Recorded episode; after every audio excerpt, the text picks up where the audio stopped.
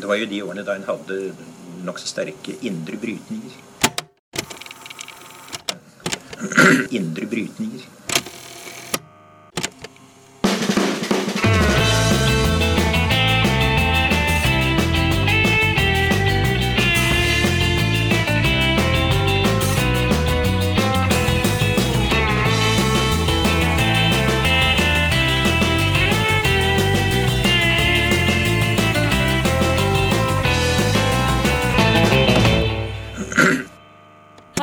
Velkommen til Noen har snakket sammen. Mitt navn er Tiril Rustan Halvorsen.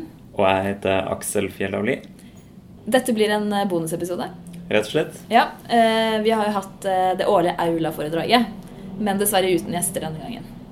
Og det er jo et event der Tankesmien Agenda sammen med Universitetet i Oslo bruker å invitere internasjonale forskere til å snakke. Tidligere har vi hatt folk som Raj Chetty, Robert Putnam. Ja. Eh, Og i dag så skal dere få høre eh, foredraget fra forrige uke med en som heter Amir Sufi. Som er økonom ved universitetet i Chicago. Mm. Og som forsker på gjeld og ulikhet og bolig. ja. Og hvilken betydning det har å si for økonomiske kriser da, når de, når de kommer. Så tittelen på foredraget eller arrangementet i år var jo 'Når sprekker den norske boligboblen'. Eh, og det er rett og slett fordi deres eh, arbeid eh, ser på hvordan privat gjeldsopphoping påvirker stabiliteten i økonomien, og også kan i en del sammenhenger tilfeller føre til økonomiske kriser. Det var jo det vi så i 2008, blant annet. Ja, så Nesten en slags sånn halloween-spesial om hva vi har grunn til å Ja, akkurat som hvis ikke det gikk dårlig nok fra før Men det er i hvert fall da et foredrag med, som du sa, Mir Sufi. Eh, Og så er foredraget etterfulgt av en, en debatt, eller en panelsamtale. Og i den panelsamtalen så har vi eh, Karin Kinnerud, som er postdoc i økonomi ved BI. Eh, Kristoffer Berg, doktorgradsstipendiat i økonomi ved Universitetet i Oslo. Og Kasper Krag Sørensen, som også er postdoc i økonomi eh, ved Universitetet i Oslo. Og, Ja. og den samtalen som er etterpå, er eh, leda av eh, Hanna Gitmark eh, fra Tankesmien Agenda. Så vi tenkte at våre lyttere skulle få anledning til å få denne rett i feeden. Så her kommer eh, foredraget etterfulgt av en panelsamtale.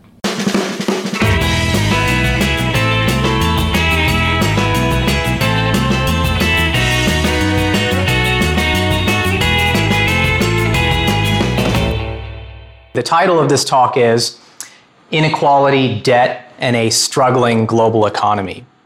So, I want to begin the talk by looking at some struggles that economies around the world have been having basically since the Great Recession of 2007, 8, and 9, but can really be linked all the way back to things that have been going on since the 1980s.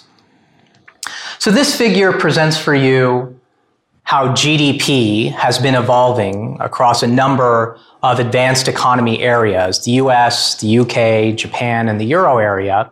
The red line here is GDP on logarithmic scale.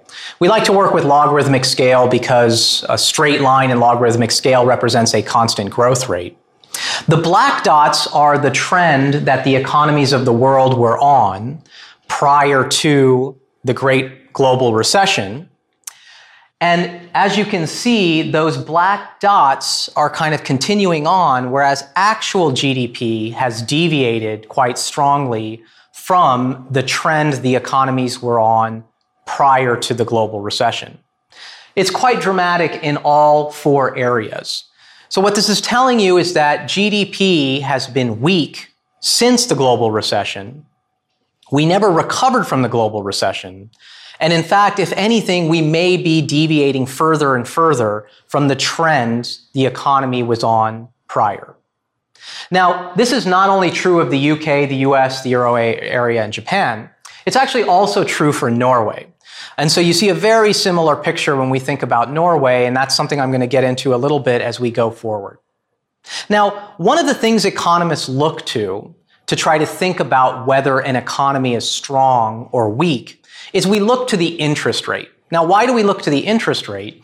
The interest rate is a very useful signal that the economy is sending about the strength of overall demand in an economy.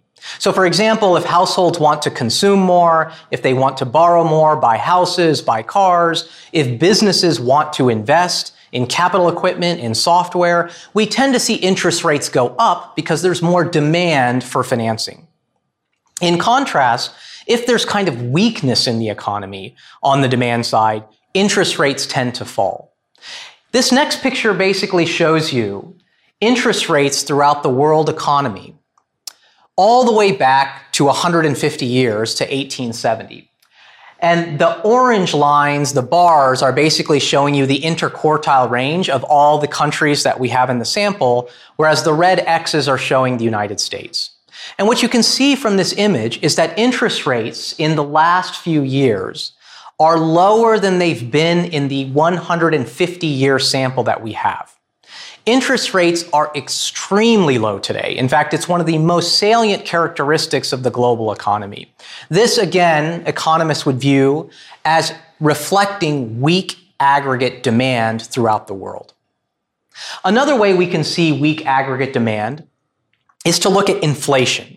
Price inflation helps us think about whether households are rushing out to buy more goods or whether it's in some sense the economy is having a hard time getting households to buy goods. If we look at inflation across these same four areas, we basically see a, a very similar pattern. Economists have been thinking about Japan for a long time, and you can see that Japan has had this dismal performance for a very long time, and they deviated very strongly from their central bank's target inflation rate. However, the key thing I want you to focus on in this picture is that the UK, the US, and Europe are all starting to look more like Japan, especially since 2014. The last thing I want to show you before we go into this deeper is to show you what's been happening on the production side of the economy. So, so far we've been talking about demand, especially from households. But if you look at the production side of the economy, that is the firm side of the economy, we're seeing a very similar pattern in that investment to GDP ratios around the world have been falling and productivity growth, or the ability of firms to take capital and labor and produce more, has been falling. At best, it's constant. Notice all of these trends were occurring prior to the COVID global crisis. I purposely want to think about what the problems were with the economy prior to the pandemic. And then we'll think a little bit more about how the pandemic is likely to exacerbate these trends. So the bottom line so far is that the global economy has been very weak. It's been very weak since the Great Recession, and it was weak even before the COVID crisis struck.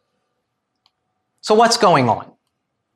That's where a lot of research that I've been doing with my co-authors, Atif Mian at Princeton, Ernest Liu at Princeton, and Ludwig Straub at Harvard, we've been really trying to think of why exactly the global economy has been so weak. At the end of the day, we can only fix these problems if we know the underlying source of the weakness. I'm going to go ahead and give you our explanation up front, and then I'm going to show you a number of pieces of evidence that tend to support that thesis. Okay? The idea we have in our research is that the rise in inequality, the inequality of income over time, has essentially generated economic weakness because when the rich earn more and more of the economy's output, they tend to save a lot of it, which naturally depresses consumption and demand. So the rise in income inequality is really the starting point for why the world's economy has been so weak. Now, when the rich save more and more of their income, interest rates tend to fall. You can think of this as more money is coming into the financial system, trying to find somewhere to go. And that represents a shock to the saving supply of the economy, which tends to lower the interest rate. Who responds to those lower interest rates? Well, what's happened around the world over the last 15 to 20 years is that households have been borrowing more and more, and so have governments. That is, everybody outside of the top of the income distribution tends to be borrowing more. And in fact, as I'm going to show you, in some sense, they are borrowing directly from the rich through this saving supply argument. Now, as that happens, the economy tries to maintain demand by getting non-rich people and also governments to borrow and consume. The interest rates tend to fall. However, one detrimental effect of those lower interest rates is that when they get very low, it tends to hurt the production side of the economy. In that market leaders tend to basically respond more strongly to low interest rates they kind of go for the kill, as I'm going to explain in a little bit. And you therefore see a rise in market concentration. You see lower investment and lower productivity growth. And that's really where we find ourselves in the world today. What happens eventually is the economy is trying to equilibrate itself by lowering interest rates, by trying to boost demand through borrowing. At some point, the economy hits the lower bound on interest rates which is that picture I showed you before, that interest rates essentially get so low that they cannot get any lower to encourage non-rich households to borrow and governments to borrow. At that point, we're in a debt trap. A debt trap is characterized by a weak economy, very high debt, very low interest rates, and essentially uh, really problems trying to get maximum employment and good growth going forward. So that's the overall hypothesis. I want to show you a few graphs that tend to support this view, that that's what's been happening in the global economy. And then we're going to get into how the COVID crisis has amplified many of these trends. And finally, we'll conclude with some solutions for how we can get out of this global growth rut. So as we go through the key factor that is going to be driving the intuition of a lot of the arguments I'm going to be giving today, is a very robust empirical fact that the rich tend to save a very large fraction of the income they earn. This has been shown across many time periods, across many countries. It's also quite intuitive. If we think of someone like Jeff Bezos with this enormous amount of wealth, at the end of the day, really, how many yachts can Jeff Bezos buy? You know, there's only so much consumption the super wealthy can do. There's only so many things they can buy that help generate production. And so as the rich earn more and more of this income, more and more of that money starts to flood into the financial system.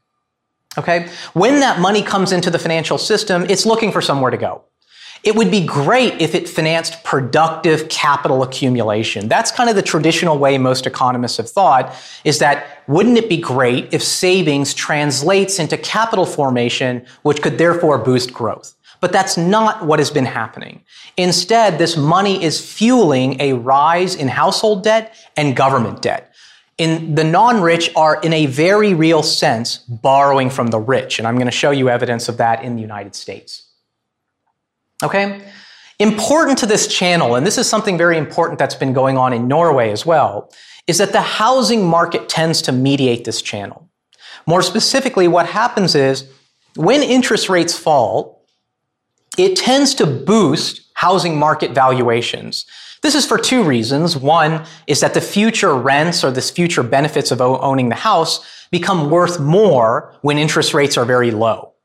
Also, it becomes easier to borrow. And as more houses, uh, households are able to borrow at cheaper interest rates, they end up being willing to pay a higher price for that house. As housing values start to get higher, non-rich households have to take on more debt to buy a house. And they also are more likely to actually withdraw home equity from their higher home value in order to finance consumption. Both of these factors have surely been going on in many of the countries of the world and help to explain how it is that the rich ultimately save more, interest rates fall, housing market values rise, and non-rich households therefore borrow more. All right, I want to start now by showing some figures that actually support this hypothesis. So this figure shows you the trends in household and government debt to GDP and the top 1% income share. This picture represents trends over 14 advanced economies for which we have the data. Norway, in fact, is included in this picture for the household debt and GDP uh, and government debt to GDP back to the 1960s, and also for the income inequality since the 1980s.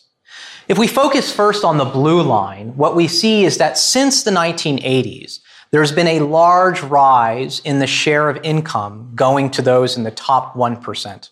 This is something that is very well understood and well documented among economists, that income inequality has risen quite sharply since the 1980s. The orange line shows you that exactly concurrent with that rise in income inequality, there was a rise in both household and government debt scaled by GDP. So you see that both top income shares and the rise in debt to GDP are very closely linked. And the story we're telling, and I'll show you some evidence from this in the United States, is that the rich are saving more, and that saving is being transformed into borrowing by households and by the government. So let me show you some evidence from the United States specifically. The United States offers some advantages in that we're able to measure the contribution to national savings from different parts of the wealth and income distribution. And we're also able to track the savings of the rich and see where ultimately those savings go. So this picture shows you what we call the saving glut of the rich. Many of you may be familiar with the famous term coined by Ben Bernanke in 2005, which is the global saving glut. The global saving glut is this idea that some countries around the world, big current account surplus countries, think Germany, think China, have been saving a lot more, therefore depressing interest rates. Our point is that there is also a saving glut of the rich happening within many countries, and here we use the United States as an example.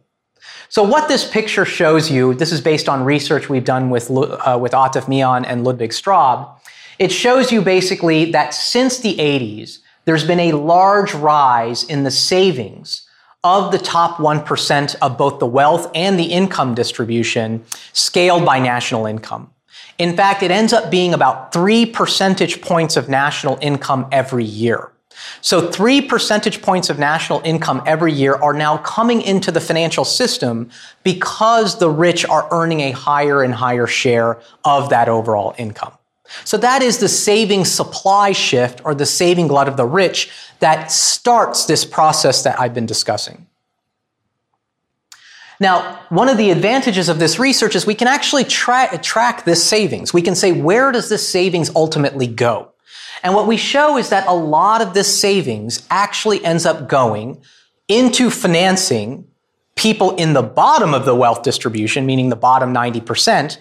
It ends up financing their debt. So when the bottom 90% borrow more, they're borrowing directly from those in the top 1%. Let me show you this picture that makes this point.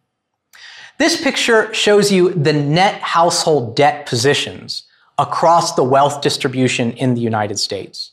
The net household debt position is how much household debt you have as a financial asset minus how much household debt you owe as a financial liability. I'm showing it to you for the top 1%, the next 9%, and the bottom 90% of the wealth distribution. I've scaled it back to 1982, and I'm showing you what's happening over time. The dark blue line shows you a very well-known fact. And in fact, Atif Mian and I have done a lot of research on the rise in household debt during the years leading up to the Great Recession. The net household debt position of the bottom 90% is collapsing. That represents the fact that the bottom 90% is borrowing more and holding fewer financial assets that are actually a claim on household debt. So that dark blue line is very well known. A lot of people have understood that in many countries, including Norway, net household debt positions, especially those in the bottom 90% of the wealth distribution, have been falling dramatically. What's new in this picture is the kind of light purple line. The light purple line is showing you that the net household debt position of the top 1% has actually gone up substantially. That is, the top 1% now owe, own a lot more financial assets that ultimately finance household debt than they did in the past. And you can see that that rise in the net household debt position of the top 1% is financing the borrowing by the bottom 90%. We do the simple quantification of this picture and we show that about 30 percentage points of the rise in household debt held by the bottom 90% is directly financed by the top 1%. So we need to look beyond just the global saving glut. The bottom 90% for sure were borrowing from China and Germany through the international system, but they were also borrowing from the top 1%. And that's a very important part of what has been going on in the United States, and we suspect it's going on around the world. Why is this problematic? At the end of the day, this system of relying on debt to finance consumption by the bottom 90% and to boost economic growth is almost by its very nature going to be short lived. At the end of the day, the debt has to be paid back. And when the debt is going to be paid back, it will represent a drag on demand going forward, a phenomenon we call indebted demand in a paper with Atif Mian and Ludwig Straub. This simple schematic shows you how this works. The rich have a high saving rate. The non-rich have a low saving rate. In the top of this picture, you see that you can actually boost aggregate demand by lending from the rich to the non-rich. The rich have a higher propensity to spend, to save. The non-rich have a higher propensity to spend. And so when we lend out to the non-rich, you do see a boost to aggregate economic activity. However, the problem is, and that's where indebted demand comes in, is the bottom of this. And that is the red line where ultimately what is debt? Debt represents a claim of the rich on the non-rich. The non-rich ultimately have to pay back the principal payments and the interest payments on that debt. And when they pay back that debt, it will depress aggregate demand because you're taking resources from those with a high spending propensity and giving them to those with a low spending propensity. And that is going to naturally lead to a drag on aggregate demand. That is very much where we find ourselves in the world today. If you're thinking all of this sounds familiar, it is because it is an old idea in economics that we are trying to revive as being quite important. The old idea is that anytime you have an excess of savings relative to investment opportunities in an economy, you tend to be, you tend to see damage to the overall economy. John Atkinson Hobson is probably the first modern economist that makes this argument, although you see these same phenomenons going even back to ancient Rome.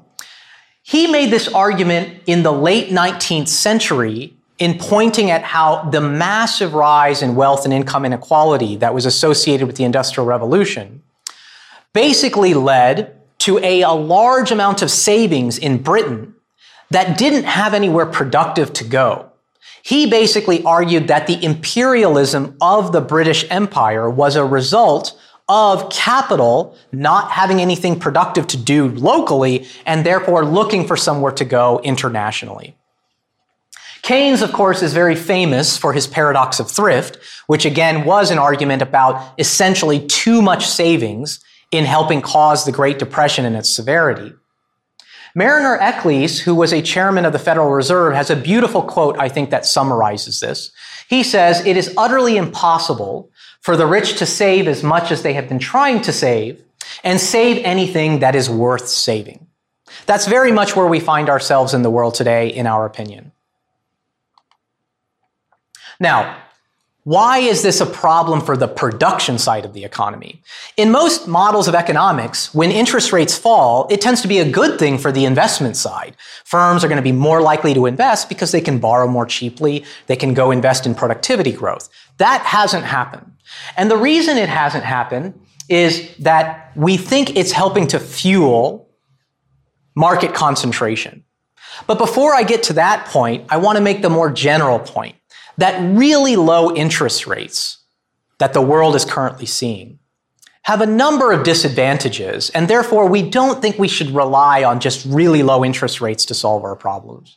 For example, throughout history, we know that cheaper borrowing has been associated with credit booms gone bad. The global financial crisis is the most recent manifestation, but we now have evidence across a number of historical time periods and a number of countries that show whenever credit becomes too easily available, it tends to lead to a boom that ends in a painful bust. We also know that persistently low interest rates that we are experiencing in the world economy weaken the ability of central banks to battle cyclical downturns. The central bank has as its primary tool lowering interest rates. If interest rates are already up against the effective lower bound, they're not going to be able to do that very effectively. Finally, low interest rates might also be bad for the production side of the economy. And we're seeing a large amount of research starting to make this point over the last, say, five to 10 years. Let me go through this argument. The argument that low interest rates can be bad for the production side of the economy comes uh, from a lot of, a, a, number of papers. One paper we've worked on with Atif Mian at Princeton and Ernest Liu at Princeton is the idea that very low interest rates actually encourage market concentration. The basic intuition behind the theoretical model is that when interest rates get very low, the prize for being the market leader becomes very large because you get this present value of these super valuable cash flows. That leads market leaders to go for the kill. They really try to destroy their competition. They do this through investing more in productivity growth, at least initially, but they also do inefficient things like erecting barriers, taking over their competitors that may threaten them, these actions ultimately lead to lower productivity growth. We show a number of empirical patterns in the data that are consistent with this idea that low interest rates actually hurt productivity growth and hurt investment levels.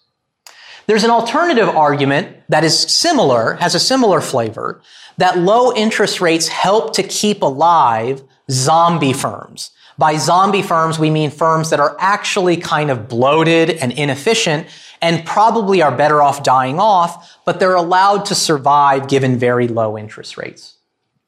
There is a lot of empirical evidence that supports this argument. Over the past 20 to 30 years, we've seen large rise in pretty much every measure of market concentration, markups, you know, indices of concentration within different sectors of the economy. We've also seen the productivity gap between market leaders and market followers start to rise. And we've seen that overall productivity growth is falling. All of these suggest that extremely low interest rates reduce healthy competition, which is needed for both innovation and growth. So the story we're telling is that the rise in income inequality is pushing down interest rates, and those, that low, those lower interest rates actually can be bad for the production side of the economy, as we've witnessed over the last 15 to 20 years. And now the COVID crisis. Now, the problem with the COVID crisis is for all of its other problems, for example, us not, not being able to be together in person, it's also amplifying almost all of these trends I've talked about. So, for example, what have we been seeing with the COVID health crisis? We've been seeing a sharp decline in interest rates. They were already very low. Now they're even lower. We've seen a sharp decline in household spending. And we've seen a sharp decline in inflation expectations. All of these indicate even weaker demand. The problem was already weak demand, and now we have an even worse problem coming from the COVID crisis. Another thing that is specific to this story that I'm telling for you here today is that a lot of empirical research is now coming out showing that people in the higher part of the income distribution are not seeing a decline in income, but they are seeing a sharp decline in spending. Similar income, lower spending means the saving glut of the rich is getting even larger today than it was prior to the COVID crisis. The saving glut of the rich is really one of the main sources of our economic difficulties, and we think this is only being amplified by the COVID crisis. Finally, governments and central banks are actively encouraging more debt accumulation by households and businesses. We've already talked about how that might help boost demand in the short run, but ultimately will lead to a larger drag on demand going forward. And that is what we fear is going to happen going forward. A very doom and gloom talk. Uh, and I know that it looks very pessimistic based on the points I've given you. But I'm a firm believer that if we understand why the economy is very weak, we then have an opportunity to figure out solutions to this global weak economy.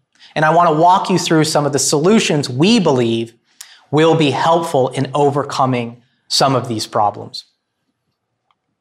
First and foremost, we must tackle the structural sources of the rise in income inequality.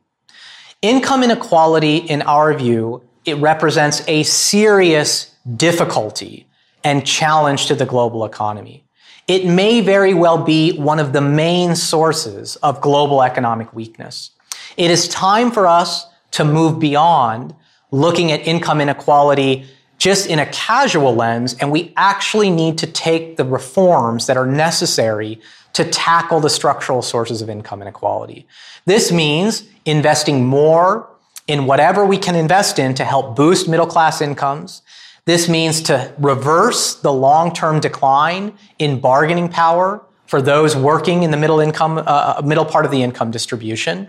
And it means taking seriously different forms of taxation that can help reduce income inequality both in the short and medium run.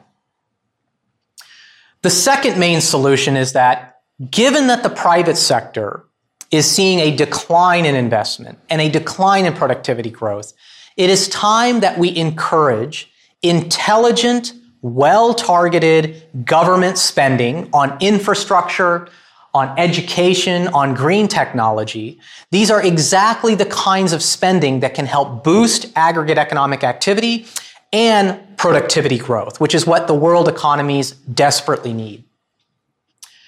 The third thing that we need to do is we need to explicitly recognize the distributional effects of government policy. What do I mean by that? I mean, if the government is going to do an infrastructure project, if the returns to that infrastructure project simply accrue to those in the very top of the income and wealth distribution, then it's going to be less beneficial for the overall economy if the returns target those outside of the top of the income distribution when we're thinking about income growth and consumption growth. Finally, when we think about the tax side of things, we seem to be living in a world in which everyone thinks that it's totally okay for the government to just borrow its way out of all these problems. I totally agree that in the short run, given the COVID crisis, governments should borrow and spend and redistribute in order to offset the impacts of this COVID crisis. However, government debt does ultimately lead to indebted demand, very similarly to the way household debt does.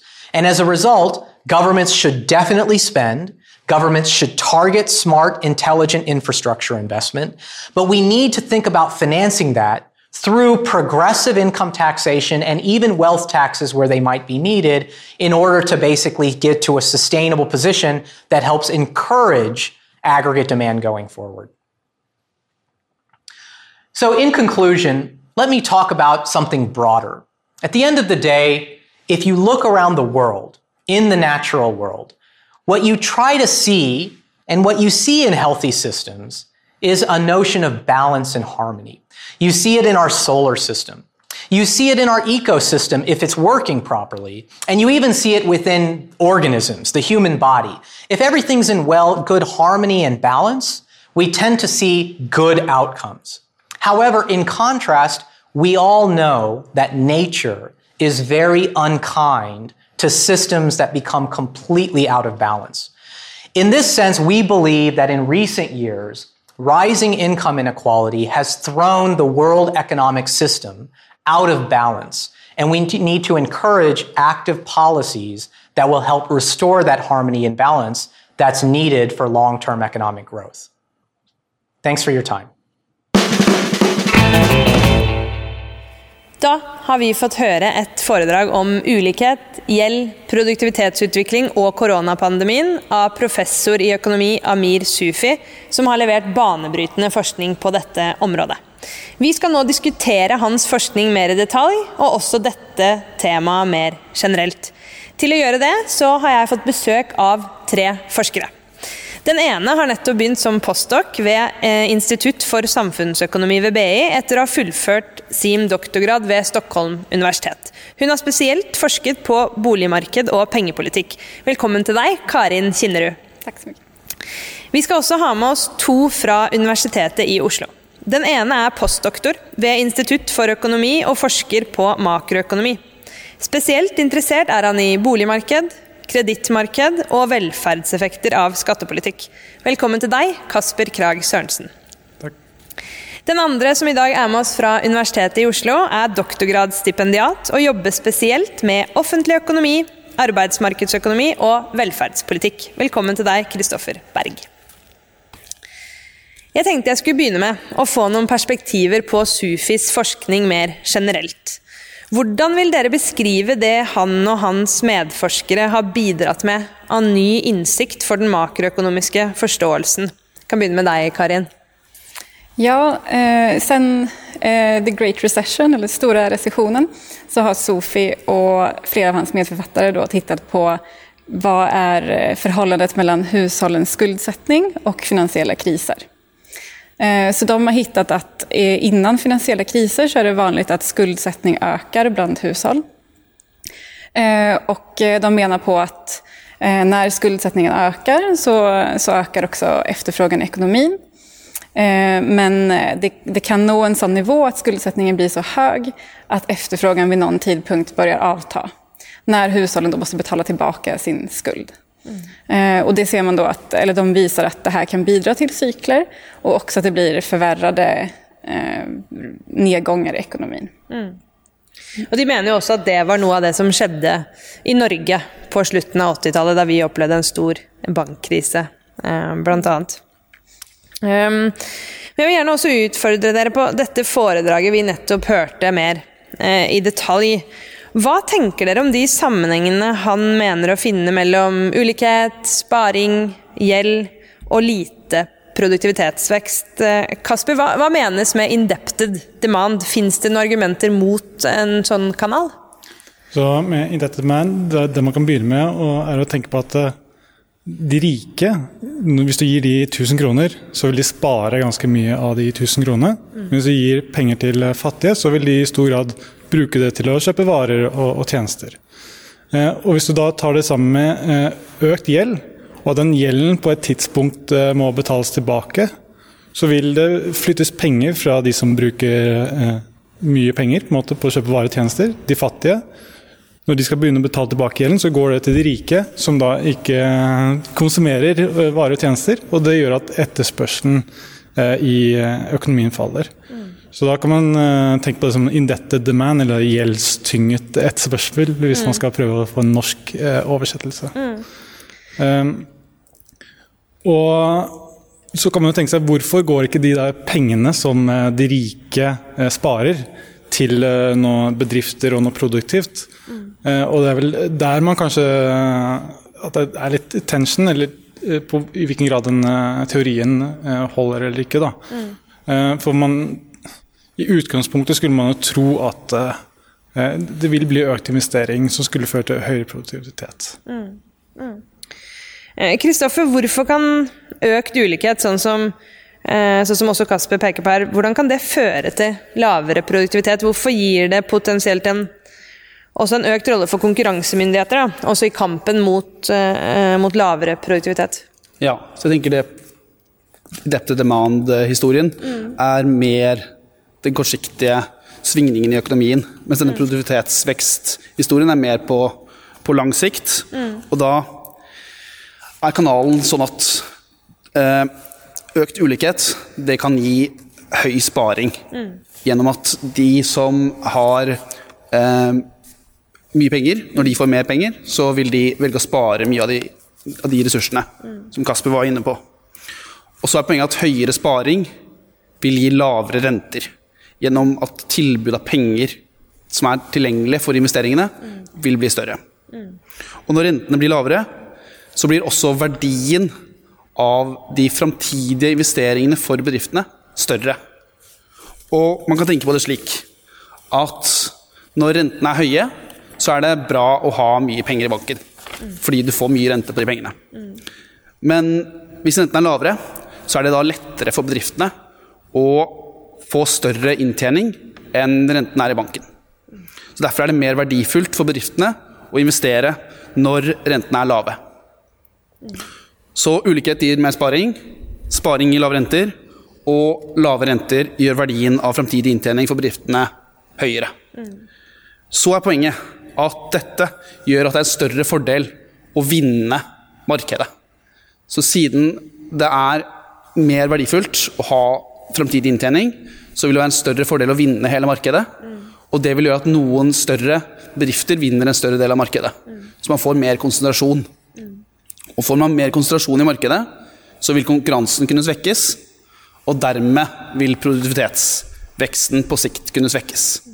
Er det fordi insentivet for, for, å vinne konkurransen øker? For man vil jo alltid ønske å vinne konkurransen, men nå blir det på en måte ekstra viktig? Det ja, det blir ekstra viktig å få en stor andel av det markedet. Ja. Og derfor kan man se økt konsentrasjon over tid. Da. Eller det er storyen til, til uh, Sofie. Ja. Så da får vi lavere produktivitetsvekst mm. som følge av ulikheten gjennom alle disse kjedene, liksom historien. Mm. Så derfor kan det være grunnlag da, for å prøve å bekjempe denne økte konsentrasjonen ved å ha sterkere konkurransemyndigheter. Som har vært mye fokus på i USA i seneste tid. Blant annet så foreslo Elizabeth Warren i eh, valgkampen at man skulle dele opp de store selskapene i USA. Og Noe av grunnlaget for det kan være at eh, markedskonsentrasjonen ødelegger for produktiviteten. Mm. Kasper, Norge, eh, Sufi nevnte jo spesielt Norge her flere ganger. Han sier at vi skiller oss ikke noe spesielt ut. Han mener at de sammenhengene han finner, gjelder også eh, for Norge. Også her har inntektene til toppen økt, og gjeldsopptaket har økt. Er det sannsynlig at den kanalen dere beskriver, at økt eh, inntekt for de rikeste som sparer disse pengene, også her har bidratt til, til økt sparing og mindre på en måte, stimuli i økonomien? og og derfor et behov for lave renter, som igjen da har økt gjelden hos befolkningen. Det er en veldig lang sånn uh, årsakssammenheng, men, men kan, også, kan, vi også se det her i Norge? Jeg tror det er uh, spesielt to viktige forskjeller da, som mm. uh, skiller Norge fra USA. Mm. Det ene er altså vi som nasjon som helhet, vi sparer jo veldig mye, mm. bl.a. gjennom oljefondet. Mm. Um, så vi har jo mer penger i utlandet enn vi skylder utlandet. Ja. Eh, og det gjør på en måte at Vi kan jo bidra til den, det, det Bernanke da, tidligere kalte for uh, 'saving glut'. Mm. At vi bidrar med å få renten internasjonalt ned ved at vi sparer veldig mye. Mm. Så er det sånn at Norge er en relativt liten åpen økonomi. Og det innebærer at renten i stor grad er satt av de internasjonale markedene. Mm.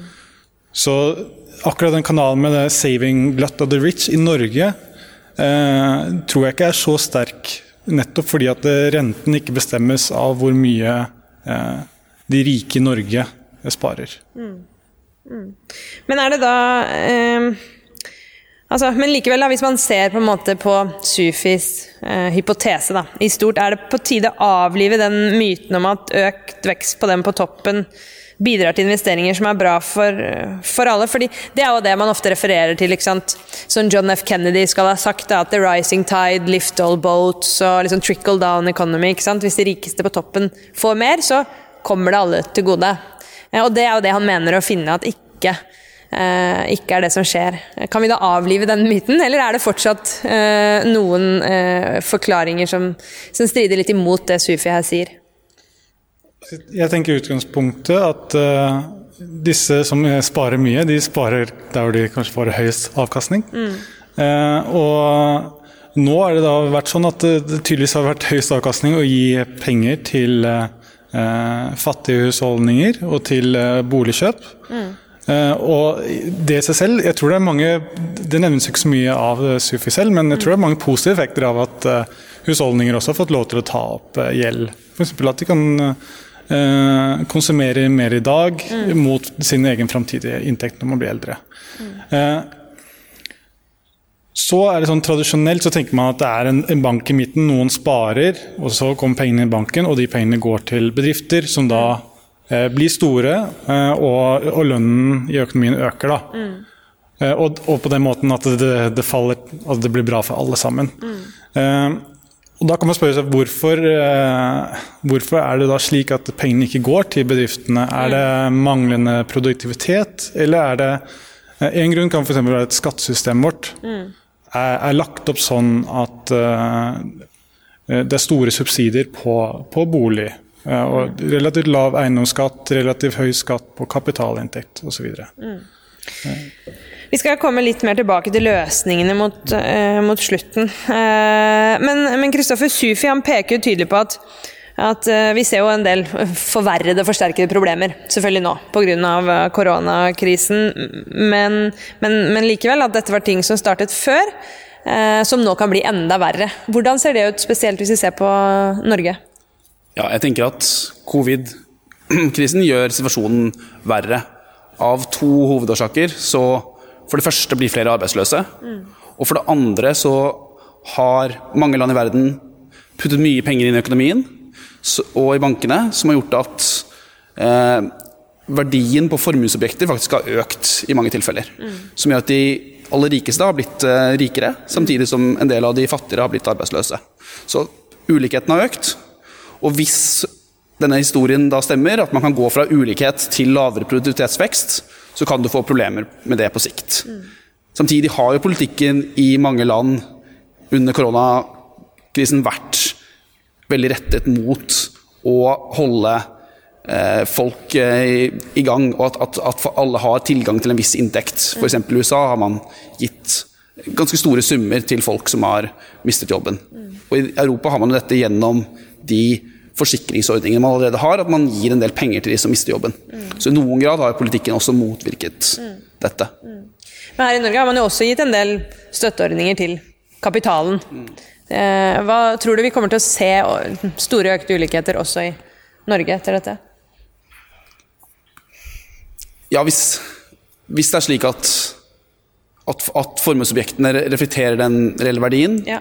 og de vil fortsette å stige, så er, det naturlig at da vil ulikheten øke. Men ja, det kan jo være et tegn til at det at man har plutselig så mye penger inn i økonomien, kan bety at eh, verdiene på formuesobjekter nå er noe høy. Da. Det er jo litt merkelig å se høye børser sammen med at økonomien ellers går, Går dårlig. Går dårlig. Ja, som vi var inne på innledningsvis, er jo Sufi mest kjent på forholdet, altså for forskningen sin på forholdet mellom gjeld og kriser, sånn som du sa i stad, Karin, at han viser at høy, veldig høy gjeld, eh, hvis man ser altså en fellesnevner på mange kriser, da, er at de har vært eh, innledet med perioder med veldig høy eh, husholdningsgjeld. Eh, og Et eksempel han peker på i boka 'House of Debt', som jeg nevnte i sted, er jo boligkrakk og krisen i banksektoren i Norge på slutten av 1980-tallet. Og Det er jo 30 år siden, og mange har glemt det nå, men da var det jo så ille at tre av Norges største banker gikk over ende og måtte reddes av staten. Mange satt igjen med høyere gjeld enn de boligverdiene de hadde. Um, og i dag da, så har vi en gjeldsgrad som ifølge Finanstilsynet er på rundt 240% av eh, BNP. Altså, Hva innebærer det, og hvor farlig, hvor farlig er det? Eh, Det er en ganske svår spørsmål. Altså, det har ju Ja. studerats ganska mycket både på landsnivå, liksom hur skuldsatta länder är och även hur skuldsatta bo, eh, eller hushåll är. Och vilken nivå som är farlig eller när det börjar bli farligt, det är ju inte någonting vi har ett enkelt svar på. Eh, men eh, eh, vad man kan säga är att vad de har sett är att när det har skett en tydlig ökning i skuldsättning, eh, då kan det liksom, eh, leda till kriser. Men att man har en hög skuldsättning som på nivån ganska hög skuldsättning behöver inte betyda att det är eh, ett osäkert system. Och precis som Kasper nämnde så tror jag att det är viktigt att fundera på vilken typ av skuldsättning är det? För det finns, det, all typ av skuldsättning är inte dålig. Utan skuldsättning kan ju vara bra på olika sätt. Eh, dels för att vi, när man är ung så tenderar man att ha lägre inkomst än när man blir äldre. Då kan det vara helt logiskt och bra att låna när man är ung och betala tillbaka det senare så kan man ha en mer liksom, eh, eh, högre konsumtion tidigt, eller tidigare än senare, eller så man kan smutta ut sin konsumtion över mm. livscykeln. Mm. Eh, och sen är det också så att när man har, jag tycker man kan skilja på skuldsättning som eh, finansierar ett bostadsköp till exempel, som man finansierar eh, en tillgång eh, mot att skuldsätta sig för att bara konsumera. Mm. för när du, när du har, tar upp ett bolån för att köpa ett hus, mm. du kan ju ha 50% belåning och det skulle du kunna ha hela ditt liv utan att det är något problem. Mm. Så det är ganska olika. Mm. Så det, det, finns ganska många faktorer tror jag man behöver ta in för att kunna bedöma om den nivån på skuldsättning vi har nu är farlig. Mm. Och det har ju också varit ganska många regleringar av finansiella institut på senaste tiden i i Norge och i Sverige um, som ändå ser till att man kan inte låna så mycket. Man kan inte låna så mycket som andel av sin inkomst. Man kan inte låna så mycket, mm. eller det finns en gräns för hur mycket du kan låna som andel av husets värde om du köper ett hus. Mm. Så alla de här regleringarna ser också till att vi inte är i närheten av den typen av skuldnivå som var innan the great recession när man kunde mm. låna liksom över 100 procent av värdet på mm. ens fastighet. Eh, och du kunde till och med öka din belåning för att du förlitade dig på att hushåll, eller hus, eh, huspriserna skulle stiga framöver og sånt her. Mm. Eh, der er vi jo ikke riktig nå. Nei. Likevel, for Norges del så er det jo spesielt fordi mens de andre landene i OECD og Europa har redusert gjelden sin etter finanskrisen da, i 2008, så har jo norske gjelden fortsatt å øke. og Derfor er jo Finanstilsynet eh, bekymret. Men, men Kasper, altså vi hører jo med jevne mellomrom eh, om boligboble. ikke sant? Og det som kjennetegner en boble, at det er vanskelig å se det når man er i det, så, så klarer man ikke å se det før det eh, sprekker. Men, men, det vet vi at hvis, hvis, det er en boble, så gjør de jo det til slutt. De sprekker. Eh, og I Norge så har boligprisøkningen vært det dobbelte av inntektsveksten de siste 20 årene, og i, i pressområder som Oslo f.eks. enda høyere. Eh, ser vi en boble, og når Litt sånn stille samme vanskelige spørsmål til deg som til Karin. Da. Når blir boligprisene for høye? Når er det farlig? Ja, det er veldig vanskelig å vite når det er en boble, som du selv sier.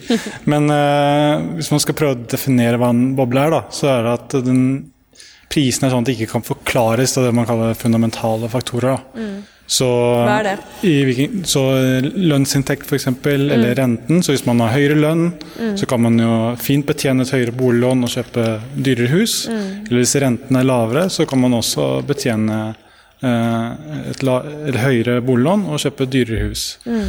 Eh, og Jeg har selv ikke gjort noen analyse på det her, men av det jeg har sett, bl.a. Eh, gjort av noen i Norges Bank, mm. så tyder det på at uh, boligprisene i, i Norge kan forklares av disse faktorene. Mm. Så på den måten er det ikke noe tegn til noe, hva man skal kalle en, en boble. Mm. Um, så er det så klart at disse her eh, underliggende faktorene kan jo endres. Og, mm. og da man jo, kan man se svingninger i, i boligprisene. Mm. Jag tror detsamma i, oj, förlåt. Jag tror detsamma i, i Sverige. Att ja. Om man tittar liksom på hur stor andel av ens eh, utgifter lägger man på borelaterade kostnader mm. så har inte de stigit så där förfärligt mycket. För räntorna är just väldigt låga så det kan mm. också möjliggöra att man har eh, högre bolån utan att man är liksom constrained eller att man lägger väldigt mycket av sin inkomst på ja. bokostnader. Så. Mm. Ja, så tenker jeg at Oslo har vært en av Europas raskest voksende byer ja.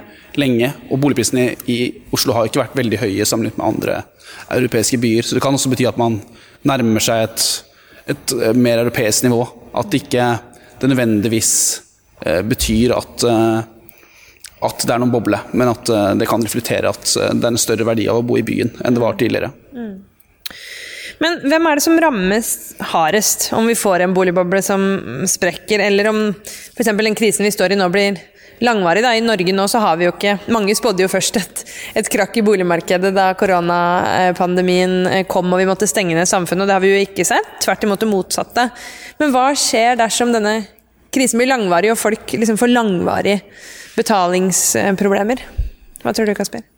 Ja, Nok et vanskelig spørsmål. Men uh, hvis jeg kan lene meg litt mot uh, Sufi, da. Så mm. i forskningen der så ser du at det, de som reduserer konsumet sitt mest, da, altså hvor mm. mye de kjøper av varer og tjenester, eh, når boligprisene faller, det er de som i utgangspunktet hadde ganske mye gjeld da, mm. i forhold til eh, boligverdien. Så da kan man jo tenke seg at uh, unge folk som akkurat har kommet inn på boligmarkedet, tatt opp mye lån, de vil jo kunne rammes uh, hardt. Og kan jo bli låst uh, inn i boligen sin. Mm. Fordi all egenkapitalen potensielt kan forsvinne ved et stort boligprisfall. Mm. Så en interessant ting du sier her, er at boligprisen ikke har, har falt i, i mm. Oslo blant annet, eller i Norge. Og jeg tror en potensielt viktig grunn til det er at en del av de som har mistet jobben, er mange som har jobbet i serviceyrker. Eh, der man, I restauranter f.eks., der man ikke nødvendigvis var på vei inn i boligmarkedet. Mm. Mens alle, veldig mange som har høy inntekt, Eh, de har sett en lavere eh, rente uten å ha fått en stor reduksjon i inntekten, i hvert fall nå på kort sikt. Mm. Og det tror jeg har bidratt veldig til en økt eh, boligpris nå. Mm. Um, men det er klart, går det dårlig over lang tid, så vil det trolig også kunne gå dårlig i, i boligmarkedet. Mm. Jeg tenkte vi skulle se litt mer på løsningene for Sufi i dette foredraget. Eh, og dessuten i, boka si 'House of Dept' så peker han jo ikke bare på utfordringer og problemer, men han skisserer også flere ganske konkrete grep som han mener må til for å løse utfordringene. Eh, for det første så mener han at vi trenger mye sterkere politikk for å løse det han kaller de som er sånn strukturelle kildene til eh, inntektsulikhet. Og han peker bl.a. Um, på altså, å gi altså, økt forhandlingsmakt gjennom fagforeninger. Og en, et behov for mer progressiv beskatning. Og Det er jo forslag som ikke er helt nye i debatten. Thomas Piketty som har vært her før, har jo pekt på behovet for det samme. Hva Er det rett medisin, um, gitt at tesen hans om at ulikhet bare øker sparingen og ikke bidrar til å løfte økonomien? Jeg tenker at hvis, hvis den teorien er sann, da, mm. at uh, økt ulikhet kan bety lavere produktivitetsvekst, mm. så er det et ekstra grunnlag for å ha lavere ulikhet. Ja. Og Da kan progressiv beskatning være blant de mer effektive måtene å få lavere ulikhet på. Mm. Og, mens det å samtidig styrke fagforeningsmakten er kanskje litt mer uklart hvordan politikken skal gjøre det. Og I Norge står jo fagforeningene mm. fortsatt sterkt. Mm. Så det er litt uh, mer uklart hvordan man skal få til det. Mens uh, progressiv beskatning vil, vil ofte være den mest effektive måten å og redusere ulikheten på. Mm. Det som Piketty er opptatt av, er vel litt at Spesielt i Norge står jo fagforeningene fortsatt ganske sterkt, mens i mange land har jo på en måte oppslutningen og organisasjonsgraden falt over tid, og man har mista forhandlingsmakt. Um, men så er det jo et utfordrende politisk spørsmål hvordan man skal bidra til å øke uh, organisasjonsgraden, selvfølgelig. Men her i Norge står det jo fortsatt ganske høyt på agendaen at det er viktig. Så tenker jeg at, også at skattepolitikken kan påvirke den strukturelle ulikheten. Ja. Så SAS, Piketty og Stancheva har et artikkel sammen hvor de ser på høy skatt på toppen, mm. og viser at høy skatt på toppen kan gjøre at de aller rikeste kjemper mindre om mm. å få høyere inntekter. Mm. Som kan hvis, hvis, mye av inntekten deres reflekterer at de kjemper mye om å få mm. høye inntekter, mm. så kan du også redusere den strukturelle ulikheten ved å ha høye skatt på toppen. Men det er jo en en annen liksom, tilleggshistorie mm. til Sufis fortelling. Mm. Men det har vært et skifte her også i sånn, den økonomiske forståelsen av dette. fordi jeg opplever jo også at organisasjoner som Verdensbanken og IMF og OECD de siste årene har pekt på flere ganger behovet for å redusere ulikheten også gjennom å gjøre endringer i skattesystemet. At de ikke nødvendigvis er så redd for at det skal gå utover veksten sånn som man var før. Ja, det tror jeg stemmer at, ja, at IMFs forslag har blitt mer radikale på den siden, og at de er mer opptatt av ulikhet i alle sine politikkforslag. Mm.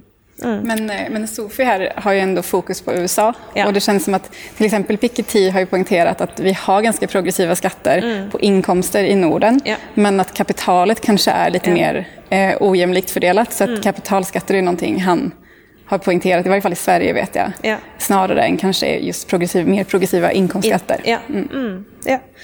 Mm. Mm. Eh, Karin, for det andre så sier han jo at vi må øke offentlige investeringer, da spesielt i grønne prosjekter, som jo alle er opptatt av nå, og infrastruktur, for å demme opp for færre private investeringer og produktivitetsfall. Eh, er det rett medisin? Eh, jeg tenker at eh, det han det han har i åtanke her er at man skal gjøre investeringer eh, som, er, som man ändå skulle ha gjort ved noen tidpunkt. Mm. Så infrastruktur till exempel. Och det är ju ganska traditionellt att det kan vara en bra tidpunkt att göra när det är en lågkonjunktur. Mm. Men sen är frågan om den lågkonjunktur eller den låga produktiviteten som han poängterar, det har ju varit liksom ända sedan 2007. Så det är ju inte någon så här jättetillfällig svacka. Så då är frågan om det är liksom ett hållbart sätt att, att attackera det genom att säga att offentliga eller liksom, eh, staten ska gå in och, och satsa på investeringar mer under lång tid. Vi vet inte liksom när vi kommer komma ur den här, eller kommer vi någonsin komma i, i fatt den eh, tappet i produktivitet, produktivitet som skedde vid stora recessionen. Så att jag tycker att det kanske är lite oklart. Eh, och generellt sett så eh, har jag svårt att tro att, liksom, att staten ska ha, ha en bättre förmåga att välja ut bra investeringar än vad företagen har. Så då är vi lite tillbaka på den eh, punkten som Kasper nämnde. Att vi bör kanske, den stora frågan är att fundera varför är investeringar låga? Eh, är det någonting vi kan göra med skattesystemet? Eller ja, hur ska vi se till att, att företagsinvesteringar blir högre? Eller vad är problemet? Eh, varför de har varit låga?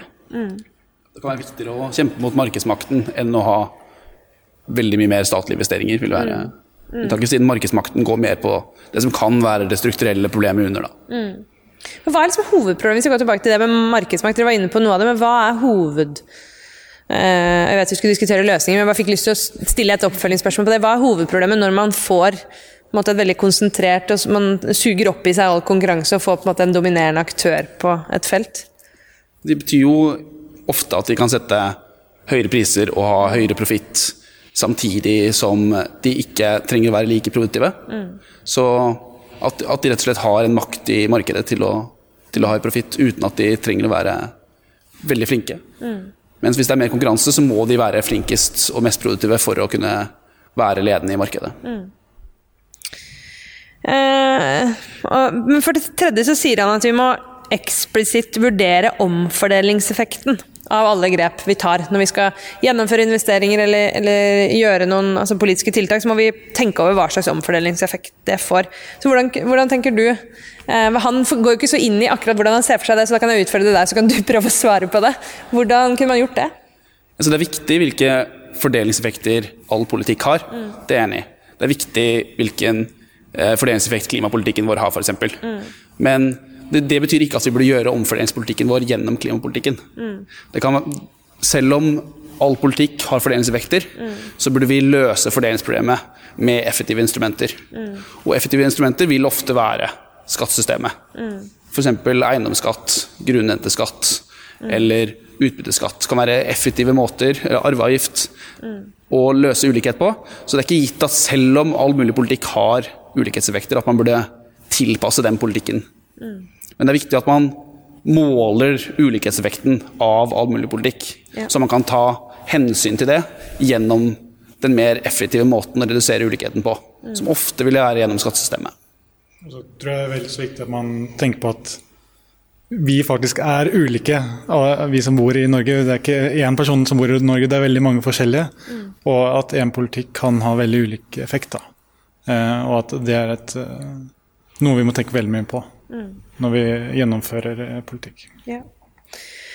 Vi skal eh, begynne å runde her, og nå skal jeg stille dere et enda vanskeligere spørsmål. Eh, hvis dere skulle gitt råd til politikerne i Norge, basert på det eh, Sufi her peker på i forskningen sin og i foredraget han har i dag, eh, hva ville dere vurdert mest, vært mest oppmerksomme på, og hva, hva, hvilke grep ville dere vurdert for å bedre situasjonen? Da, for å sørge for mer produktivitet og vekst og mindre ulikhet og lavere gjeld. Alt på en gang, eh, eh, hvis dere får til.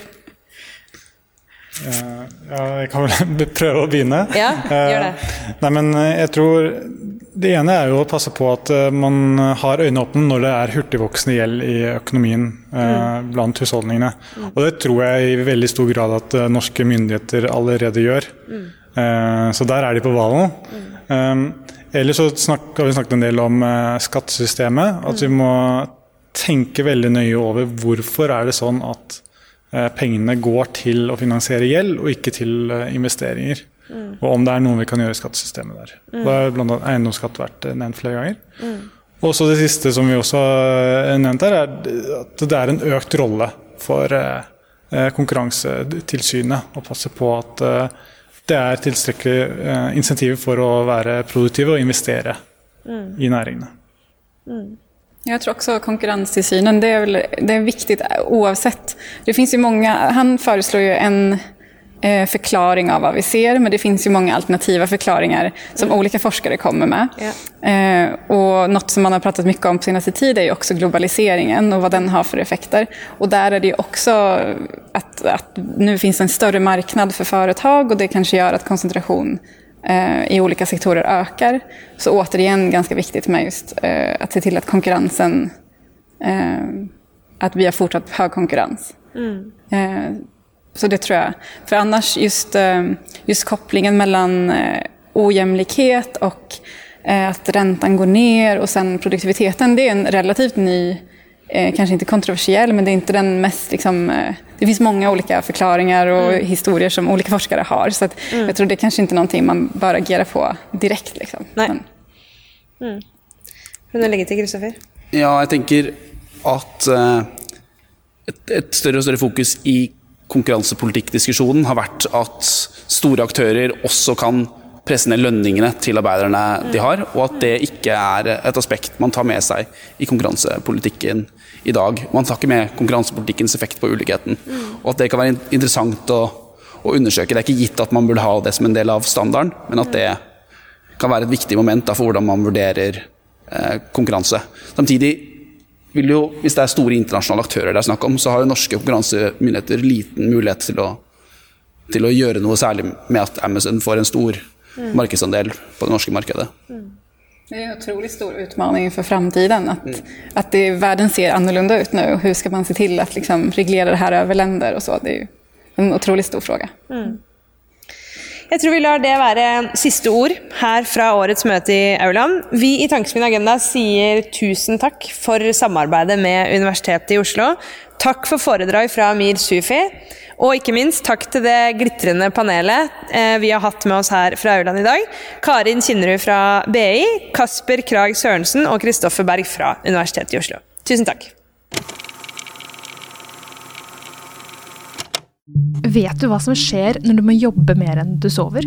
Nå sliter jeg, nå sliter jeg, nå sliter jeg. Jeg klarer snart ikke å holde øya oppe. Eller hvordan det føles å ikke ha noe å gå til? Jeg skulle veldig gjerne ønske jeg kunne jobbe i stedet. I Røsla så får du historier fra grasrota i arbeidslivet. Altså det, det er vel en del folk som kanskje føler at det er eh, mindre verdt å være renholder.